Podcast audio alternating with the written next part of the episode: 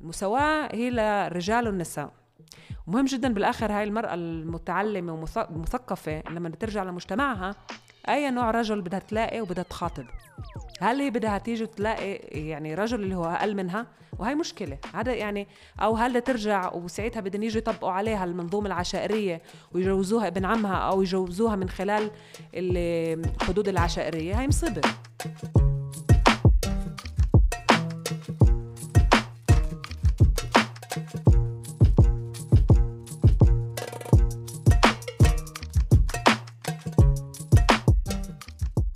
مرحبا راوية. أهلين. كيف الحال؟ أهلين الحمد لله. إيه راوية ممكن تعرف المستمعين والمستمعات إيه إيه عنك؟ إيه مرحبا. إيه راوية أبو ربيعة حقوقية ناشطة نسوية. إيه بدرس في قسم الحقوق كلية سبير. إيه باحثة في مجال القانون والجندر. إيه ببحث المكانة القانونية للنساء العربيات البدويات بالنقب إيه، أم لسلمى وليلى ومن سكان النقب. إيه، حلقتنا اليوم يعني بشكل عام إيه، حكينا في الحلقات اللي كانت عن النسوية والنظرية النسوية والتقاطعية بس اليوم حابين حابين نحكي عن قضية أو مشكلة اللي هي تعدد الزوجات خصوصا تعدد الزوجات في النقب. كيف يا راوية بتشوفي تعدد الزوجات من وجهة نظر آه، حقوقية أو من تعريف حقوقي أكثر؟ طيب إحنا بنعرف إنه تعدد الزوجات هي مش بس ظاهرة قانونية هي أول إشي ظاهرة اجتماعية آه، ظاهرة اللي بتمس بمكانة المرأة وال الأولاد آه، مصدرها مصدر شرعي يعني حسب الشريعة إيه، مسموح لرجل يتزوج أكثر من امرأة واحدة ولكن إيه، في شروط والشرط هو أنه لازم يعدل إيه، بينهن. حسب القانون الجنائي الإسرائيلي تعدد الزوجات يعني هي مخالفة جنائية. ولكن إحنا بنعرف إنه في قضايا الزواج والطلاق هن واقعين تحت مظلة الدين والمحاكم الشرعية. ولذلك إذا يعني حدا بتجوز أكثر من امرأة واحدة من ناحية الشريعة يعني الزواج ممكن ولكن من ناحية جنائية آه، في آه، عقوبات وممكن إنه يعني يفوت للسجن لحد خمس سنين ومش بس هو كمان اللي بزوجه عمليا يعني اللي المأذون أو اللي عقد الزواج لأنه مخالفة جنائية. طب السؤال هل هذا الشيء بيصير عن جد في الواقع؟ يعني في حد بفوت السجن عشان يتجوز كمان واحدة؟ يعني لحديت آه، السنوات الأخيرة آه، بنشوف إنه ما كانش في تطبيق للقانون الجنائي في فجوة كتير كبيرة بين آه، القانون وبين وبين تطبيقه. ولذلك إحنا بنشوف إنه عمليا من ناحية المعطيات الرسمية تقريبا 20% من العائلات البدوية عمليا نقب متعدده الزوجات. والمعطيات الغير الرسمية إيه، بتشير إلى بين 30 ل 40% إيه، وإحنا بنحكي على يعني نسب اللي هي من أعلى نسب في الشرق الأوسط. يعني إيه، في الأراضي الفلسطينية المحتلة السلطة الفلسطينية نتحدث على تقريبا 10% من الحالات من حالات تعدد الزوجات. بالعالم العربي فيش عنا معطيات دقيقة ولكن إيه، يعني هذا يعني بيطلع على النسب نسب عالية جدا. ونفكر إنه غير الأبعاد القانونية والإسقاطات الاجتماعية والنفسية على عائلة متعددة الزوجات لازم يعني نسأل نفسنا السؤال إيه، إنه في عمليا شرعية اجتماعية لهذه الظاهرة. بفكر إن هذا المشكلة الأكبر مشكلة موجودة أكثر من المشكلة الجنائية يعني الشرعية الاجتماعية انه صار عندنا في المجتمع ان إن شيء عادي. واحد يتجوز ثنتين وثلاثه ومع كل الخلافات اللي بتجي مع لما يتجوز واحدة وثنتين وثلاثة. صحيح أنا بفكر يعني هذا إشي صعب جدا لأنه عمليا حتى لما نطلع يعني بنقول مين الأشخاص اللي بتزوجوا أكثر من امرأة واحدة ما بتشوف في فرق مثلا بين قرية غير معترف بها لمدينه ما بتشوف فرق بين ناس اللي هن متعلمين وناس ما تعلموا. ما بتشوف فرق من ناحية يعني اللي بيمارسوا تعدد الزوجات عمليا هن كل شرائح المجتمع. وهذا بس بدل قديش في شرعية كمان لقمع المرأة. عمليا حتى من ناحية القانون ال- حقوق قوانين حق- حقوق الإنسان الدولية. يعني معروف إنه إيه، تعدد الزوجات هي إيه، هي ظاهرة اللي تسيء بمكانة المرأة إيه، وتقمعها. وإذا بتطلع على أبحاث اللي انعملت كمان أبحاث كيف بيأثر هذا الإشي على نفسية المرأة ونفسية الأولاد. إذا بنحكي على اكتئاب ما بعد الولادة. نسب إيه، عالية جدا بعائلات متعددة الزوجات يعني في عنا اليوم معطيات وأبحاث اللي بت- بتدل قديش هاي ظاهرة ظاهرة مسيئة للمرأة للأولاد لعائلة متعددة الزوجات ومع ذلك في شرعية. ولازم إحنا نسأل نفسنا ليش في شرعية؟ ليش في شرعية؟ وليش هذا الغطاء؟ يعني إحنا لازم نحكي كمان بصراحة يعني بنعطي غطاء شرعي ديني لهي الظاهرة ولكن إحنا ما بنطبق الدين بالمسألة تعدد الزوجات. ما بننصف بين النساء. كثير من حالات تعدد الزوجات يعني أول امرأة إيه إيه يعني بتركوها ما بدفعوا لها نفقة ما بيعترفوا في حقوقها. إيه وأنا بفكر في هنا ما يعني أنا بسميه في البحث عمليا تعدد الزوجات اللي هو تعدد زوجات العرفي. عرفي بالضبط. وتعدد الزوجات عرفي عمليا إنه هذا عم عم بيصير خارج النطاق إيه، إيه، الشرعي. وهو أكثر يعني عمليا إيه، بيعكس منظومة باتريكية منظومة أبوية ذكورية اللي فيها في يعني قمع للنساء ولمكانة المرأة. وكثير مرات يعني في يعني زي ما بنقول يعني في آه، للرجال إمكانية إنه يتزوجوا أكثر من امرأة. في شرعية اجتماعية وبتزوجوا. أوكي. هذا السؤال آه، أنت كنا رح نحكي عن النقطة هذه آه، تعدد الزوجات العرفي. آه، وإحنا بنشوف ال- ال- الشرعية في المجتمع لتعدد الزوجات العرفي واللي شيء أكثر مش تعال نحكي حبا في الدين إنما أكثر عادات. فأنت قررنا في في الإحصائيات حكيت الإحصائيات. إن في فرق بين الإحصائيات في في تعدد الزوجات في المجتمع البدوي في النقب لبين في الضفة المجتمع العربي في الضفة والعالم العربي. في فروقات رهيبة. ليش؟ صحيح لأنه في يعني في شروط آه، اللي آه، تتم يعني باخدوها بعين الاعتبار في في العالم العربي. كمان لما بيجوا يعني حدا بده يتجوز امرأة تانية آه، في محلات في العالم العربي اللي لازم المرأة الأولى آه، توافق. يعني هذا شرط أساسي. لازم آه، المحكمة الشرعية مثلا اللي بتصادق على الزواج تتأكد إنه باستطاعة الرجل آه، ينصف بين النساء من ناحية اقتصادية ومن نواحي أخرى. هاي ال- ال- الفحص هذا تاع الشروط ما بصير اليوم في المحكمة الشرعية عمليا في في بير السبع وعمليا المحكمة الشرعية بير السبع خاضعة لمظلة عشائرية لمظلة عرفية إيه، وبتتعامل مع القضايا عمليا بتشرعن الظاهرة ال- الاجتماعية إيه، وبتعطي يعني إيه، أكتر إيه، بتدعم عمليا إيه، الرجال بهاي الحالة. وساعتها في هنا يعني عمل إخراج النساء من ضمن ال- القانون. يعني في قانون المفروض يعطيهن حماية ولكن عدم تطبيق. القانون بيخرج النساء من حماية القانون. وهن بصفوا عمليا يعني ولا هن ماخذات حقوقهن الشرعية ولا هن ماخذات حقوقهن المدنية. وكمان فيش دعم للمجتمع للامرأة اللي جوزها بتجوز عليها. يعني بقول لها إيش بدك؟ مسموح يتجوز عليك وهيك هي بتصفي الامرأة عمليا ضحية لعدة منظومات إيه، اجتماعية وقانونية وبتصفي بدون أي حقوق ومن وفيش مين يدعمها ويعني و- ويدعمها بهيك حالة. ثواني. أوكي. وأنت في ال- في الكتاب اللي اللي كتبتيه ومتى طلع الكتاب أول شيء مبروك. شكرا. آه، الكتاب طلع آه، عن آه، يعني بشهر 8 بلا كمان شهر. مبروك مبروك. آه، أنا مريت على الكتاب والكتاب بيحكي بشكل موسع عن هذه الظاهرة. مش بس عن هذه الظاهرة بس بيتطرق لهذه الظاهرة. اسم الكتاب مخوت تتصادق بتوخ أخوك في العربي. إيه، خ- خارج القانون إيه، داخل لا خارج العدالة داخل القانون. لا بتوخ بتوخ أخوك؟ إيش قلنا؟ أوكي. إيه، داخل القانون خارج العدالة.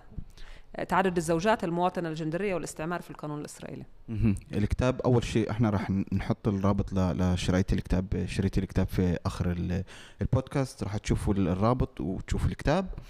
إيه، في الكتاب طرقتي لمصطلحات كثير كثير مهمة. وأهم المصطلحات إحنا طرقنا في البودكاست للنسويه الاستعمارية. بس ما أعطينا الشرح الموضوعي لهذا المصطلح. إيش النسويه الاستعمارية؟ عمليا أنا بحاول أفرجي كيف تقاطع النظام البطريقي الأبوي مع النظام الاستعمار الاستيطاني settler colonialism في فلسطين. تسبب في تفاقم مأزق مأزق النساء الفلسطينيات المسلمات. إيه، وعمليا إحنا هون ما فيش عندنا الحالة العادية تبعت نظام إيه، أبوي. ذكوري عندنا إيه، حالة اللي فيها إيه، إيه، قمع قمع مزدوج أو حتى ثلاثي لأنه هنا بالضبط بتفوت نظرية التقاطعية. بالضبط. اللي حكينا فيها عنها قبل البودكاست. صحيح.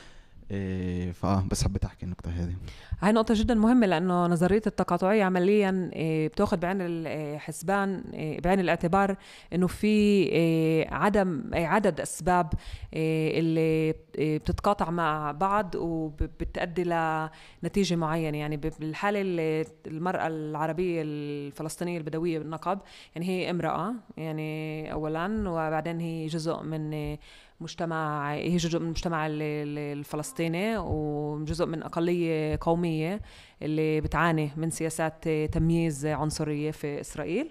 وكمان في كمان إيه، يعني إيه، كمان شغلة اللي هي كمان جزء من مجتمع إيه، قبلي.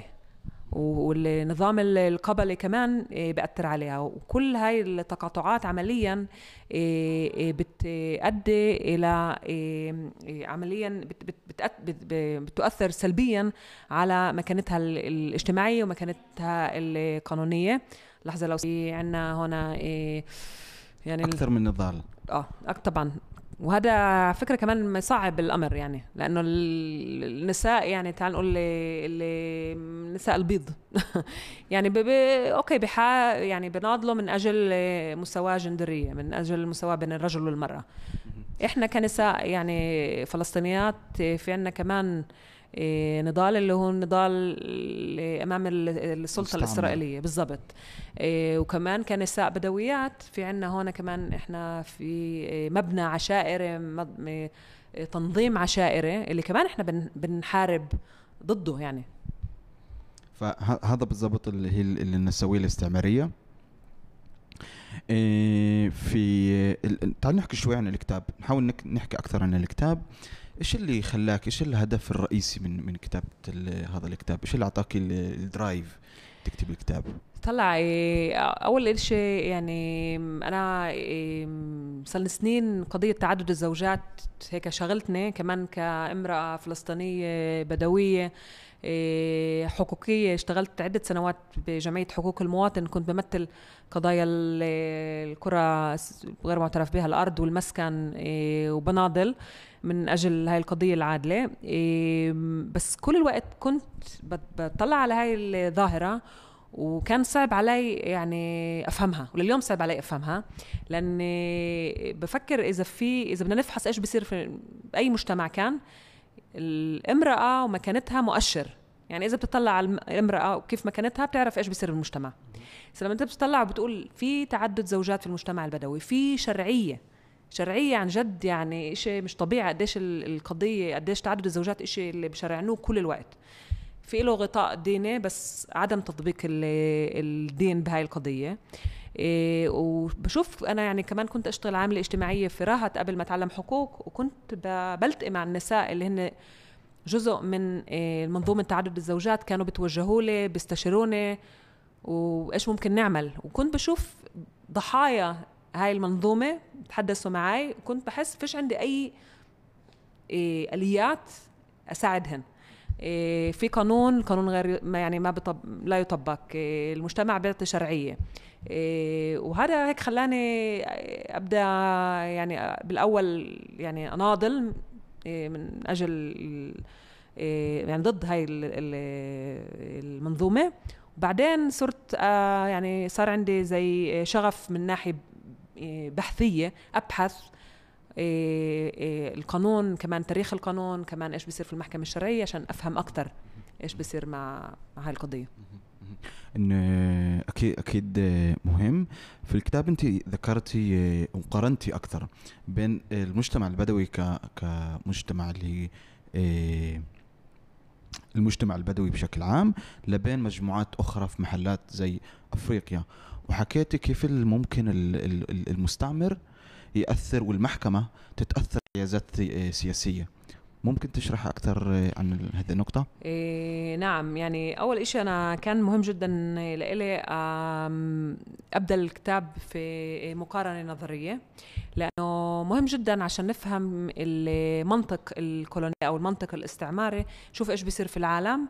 إيه وطبعا في في في دول عمليا إيه كان فيها استعمار. هسه مهم جدا لما نتحدث عن نميز بين ما يسمى الاستعمار الكلاسيكي اللي زي مثلا إنجلترا والهند. بالضبط يعني بريطانيا والهند أو فرنسا في في الشرق الأوسط.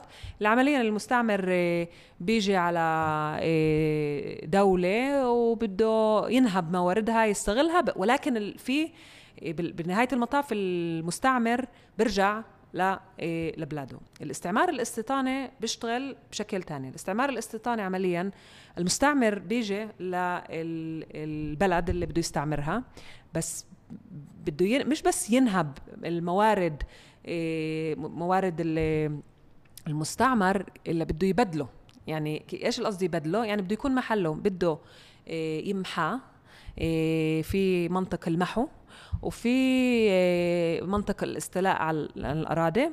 وزي ما المفكر باتريك وولف اللي عمليا هو كان آه، يعني من الأبرز مفكرين اللي طوروا نظرية الاستعمار الاستيطاني قال هذا مش يعني حدث اللي هو يعني بخلص حدث اللي هذا حدث مستمر. يعني it's not a structure it's not a, a one event it's a structure. كل الوقت هذا الإشي بنشوفه. هسه هذا إحنا بنحكي بال... ب... إيه، كيف هذا الإشي بيصير من ناحية الاستيلاء على الأراضي والمحو منطق المحو. ولكن الشغلة الإضافية اللي شفتها أنا اللي, اللي بتهمني طبعا إيش بيصير بالحيز الخاص إيه والنساء بشكل إيه خاص. وشفت إنه عمليا كل السياسة سياسة المستعمر تنبني حول إيش كيف إحنا عمليا بدنا نسيطر على الحيز الخاص الحيز العائلي. هل إحنا مثلا بدنا نتدخل إيه، إيش بصير إيه، مع الشعوب الأصلانيين في الحيز الخاص؟ هل إحنا ما بنتدخل؟ بس لكن تدخل وعدم تدخل هذا إشي سياسي. حتى لو تدخلت هذا إشي سياسي وحتى لو ما تدخلتش هذا إشي سياسي. الحالة الإسرائيلية؟ حالة استعمار استيطاني. إيه، في هنا عمليا صراع إيه، مستمر. إيه، صراع على الأرض على المكان على يعني مؤسسات. مؤسسات. وطبعا هذا الإشي يعني أنا حاولت أفرجي كيف شؤون العائلة وقوانين العائلة عمليا هن بيعكسوا السياسة يعني حاولت افرج إنه هذا مش إشي اللي هو هذا إشي اللي هو يعني سياسي على الأخير. هذا عدم تطبيق القانون يعني مش بالصدفة ما بيطبقوا القانون في سياسة من وراء هذا الإشي. عشان هيك كمان أنا عملت يعني رحت على الأرشيفات وحاولت أبحث كمان على السياسات يعني. إيش كان كانت السياسات من وراء عدم تطبيق القانون. واو.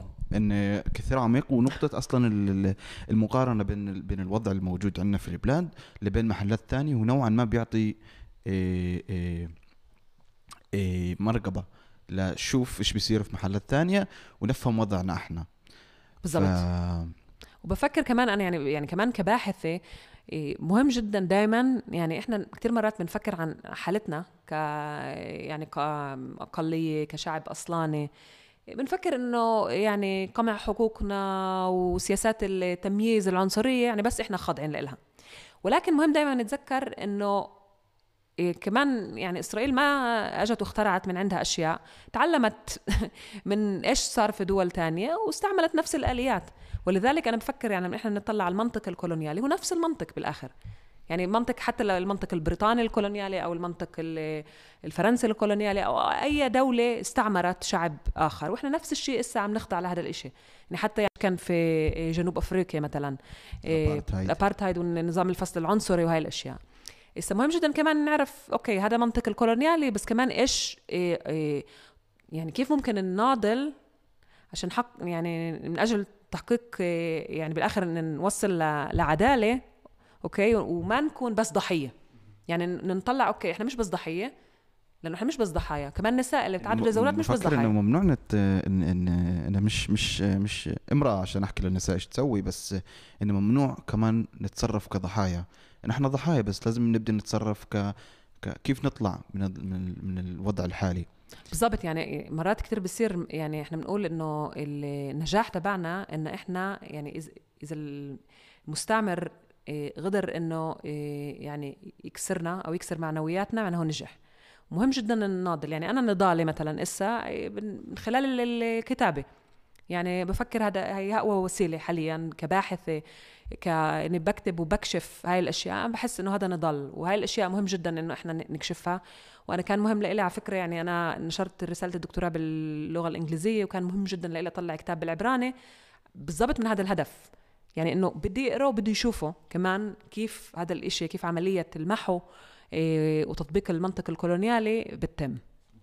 إن في سؤال اللي اللي خطر على بالي الحين اللي هو إيه عن البنات والشباب في الأكاديمية في المجتمع البدوي. إن في فجوة كبيرة الفجوة بتصغر مع الوقت. بنشوف أكثر نساء في الأكاديمية في اللقب الأول والثاني والرجال أقل. إن كيف بتشوف الشيء مستقبلا أنت وهل هل الشيء ممكن يأثر على هذه السياسات؟ طلع أول إشي إن تعليم النساء هذا إشي يعني من بفكر من أحسن إنجازات صارت خصوصا النساء يعني البدويات والإنجازات العلمية اليوم بآخر إيه، يعني خمسين سنة أو يمكن حتى أقل من سنوات السبعين أعتقد أول امرأة يعني آه يعني آخر خمسين سنة هذا إنجاز رائع ولازم كلنا نكون فخورين وفخورات جدا بهذا الإنجاز لأنه العلم من خلال العلم إحنا بنقدر إيه، نتحرك نتحرك بكل المحلات. يعني أنا اليوم بدرس قانون ولما أنا بشوف عندي طالبات إيه، من النقب أنا بفتخر لأني بشوف بقول, هاي بتصير بكره قاضيه هاي بتعمل دكتوراه هاي بتروح تشتغل. بالنيابه العامة هاي بتروح تشتغل في مؤسسة حقوق إنسان وهذا ممتاز. ولكن مهم جدا إحنا يعني وأنا هذا بقوله كنسوية. المساواة هي للرجال والنساء. ومهم جدا بالآخر هاي المرأة المتعلمة ومثقفة لما ترجع لمجتمعها أي نوع رجل بدها تلاقي وبدها تخاطب. هل هي بدها تيجي تلاقي يعني رجل اللي هو أقل منها؟ وهي مشكلة. هذا يعني أو هل ترجع وساعتها بدهم يجوا يطبقوا عليها المنظومة العشائرية ويجوزوها ابن عمها أو يجوزوها من خلال الحدود العشائرية؟ هاي مصيبة. يعني يعني لازم أول إشي إحنا نفكك الحدود العشائرية عشان نتيح المجال لنساء ورجال إيه، لصبا لصبايا إيه، لشباب وصبايا. يتجوزوا يختاروا مين مع مين بدهم يتجوزوا. مش شرط كمان يتجوزوا بس من المجتمع البدوي. بيقدروا يتجوزوا كمان من من يعني من وين ما بدهم يتجوزوا أوكي؟ أي شخص بيرتاح أي شخص بيرتاحوا بالضبط. هذا التقييد وهذا إشي يعني صعب جدا ولازم نفككه. وبفكر هذا كمان جزء من منه إنه مرات الناس يعني نساء بحسوا أوكي ما يعني فيش وصلت يعني بدي أتجوز وفيش عندي غير أتجوز كامراه تانية لا عندك إمكانيات. مش شرط تتجوزي كامرأة تانية مش شرط إنك تقبلي هذا ال هاي ال هاي المنظومة هاي اولا. ثانيا مهم جدا إحنا كمان نستثمر في الرجال من ناحية تغيير فكر. يعني إحنا بنحكي أنا مش لازم أنا بس أحكي مع نساء أو نساء اللي بس بفكروا زيي أو رجال اللي بفكروا زيي. لازم إحنا عندنا وظيفة كمثقفين ومثقفات إن عمليا نخلق وعي نبلور هذا الوعي. والوعي هذا إيه، ما بصير يعني فراغ. يعني أنا لما أنا باجي وب... على إيه عراهت على القصر الثقافي وبشوف إنه في بيحاولوا يعملوا إيه في إيه كان في النساء وراء بالضبط والرجال كان في ال- عرض ل ل إيه، نسيت اسم. الفرقة لجوق تبع يعني اغاني أم كلثوم كان كتير حلو وحاولوا يعملوا فصل بين الرجال والنساء.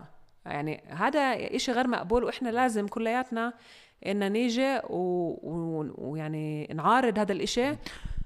أنا بدي اتطرق لل- للنقطة هذه. إن الشيء يعني بفكر إنه فشل عميق. ان نتقدم ونصير أكثر مثقفين ومثقفات ونجيب أمسية غنائية وبعدين نسوي فصل جندري. طب إيش سوينا مع كل ال- ال- التقدم اللي اللي حاولنا نوصله؟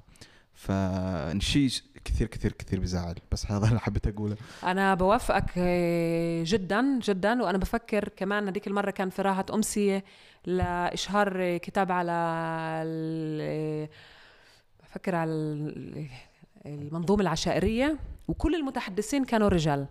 ولا واحد حكى ولا إشي. يعني هذا الإشي إحنا تعودنا أنا بقول يعني هذا حيز عام هذا مش حيز خاص. إحنا كلياتنا بنعرف مثلا الحيز الخاص بنروح على عرس بيكون فصل أوكي هذا حيز خاص. ولكن هذا حيز عام والحيز العام هو للجميع هو مش حكر لأي إنسان. وإحنا لما يعني وظيفتنا كمان نيجي ونحكي ما نسكت. وأنا على فكرة بتوقع كمان كمان من الرجال اللي يعني بعدوا حالهم مثقفين كبار. يتحدثوا يسترجوا. ليش كله على يعني على ظهرنا إحنا النساء؟ طب إحنا نحكي وبنعمل وبنناضل. وين الرجال؟ يعني المجتمع يعني هو إيه، شراكة بين الرجال والنساء. الهدف نفس الهدف. الهدف إنه إحنا بدنا مجتمع أفضل. إذا بنكون شهادات صح عندنا أكثر دكتورات وعندنا أكثر دكاترة ومهندسين ونسائنا كمان بيطلعوا على الخارج كله. بس هدفنا مش بس تجميع شهادات نعلقهن لا. هدفنا نخلق قفزة نوعية بالوعي. والوعي تثقيف ما بيصير بس مع شهادات. يعني ما بيصير واحد اسا إيه، بعرف يتعلم طب ويروح يتجوز مرة تانية. كيف هاي بتصير؟ إنه غلط آه. وهذا ظاهره كثير كثير موجودة. وهاي بنشوفها. أو واحد اسا بعرفش إيش وين راح طلع برا وتعلم وشاف وبيجي بك مع أخته بهددها. وين هذا بصير يعني ولا انت ولا شهادتك. بفضل الإنسان اللي ما ما طلعش فيش معاه شهادة. يعني بساعتها ممكن يمكن يكون عندي عذر إنه بتفهم إنه يمكن هاي ما طلعش من ما طلعش من المنطقة الجغرافية وما بيعرفش شيء تاني. بس من الإنسان المثقف عنده إيه، بتوقع أكثر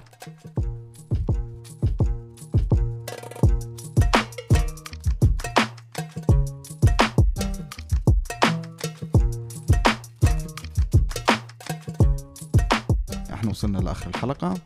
إيه إذا عندك هي نقطة أو حاب شيء حابة تزيديه. أول إشي حابة إيه، يعني أشكرك وعن جد أحييكم على هاي المبادرة الطيبة. إحنا بحاجة لاصوات مثل اصواتكم أصوات اللي هي إيه، حرة أصوات النقدية إيه، أصوات نسائية. وإلى الأمام وإحنا معكم. أنا وأنا متاكده كثير كثير في مجتمعنا داعم بينكم. شكرا لك. شكرا. إيه بس بنذكر إن في آخر في 27 12 في امسيه في كلية سبير الساعة خمسة ونص إيه للكتاب اللي حكينا عنه كتاب راوية من ضمن القانون وخارج العدالة. إيه طبعا كلكم معزومين ومعزومات. شكرا. كنت معكم بودكاست محادثات سبعوية. بودكاست جديد شبابي وبديل. بودكاست من النقب وللنقب واللي فيه راح أحكي عن قضايا اجتماعية سياسية وثقافية اللي بتخص مجتمعنا البدوي. في حلقاتنا راح يكون في شخصيات ونشيطين اللي راح نتحاور معهم بشفافية ومن زوايا مختلفة. تابعونا في الحلقات القادمة ولا تنسوا تشاركوا الحلقة مع الصديقات والأصدقاء.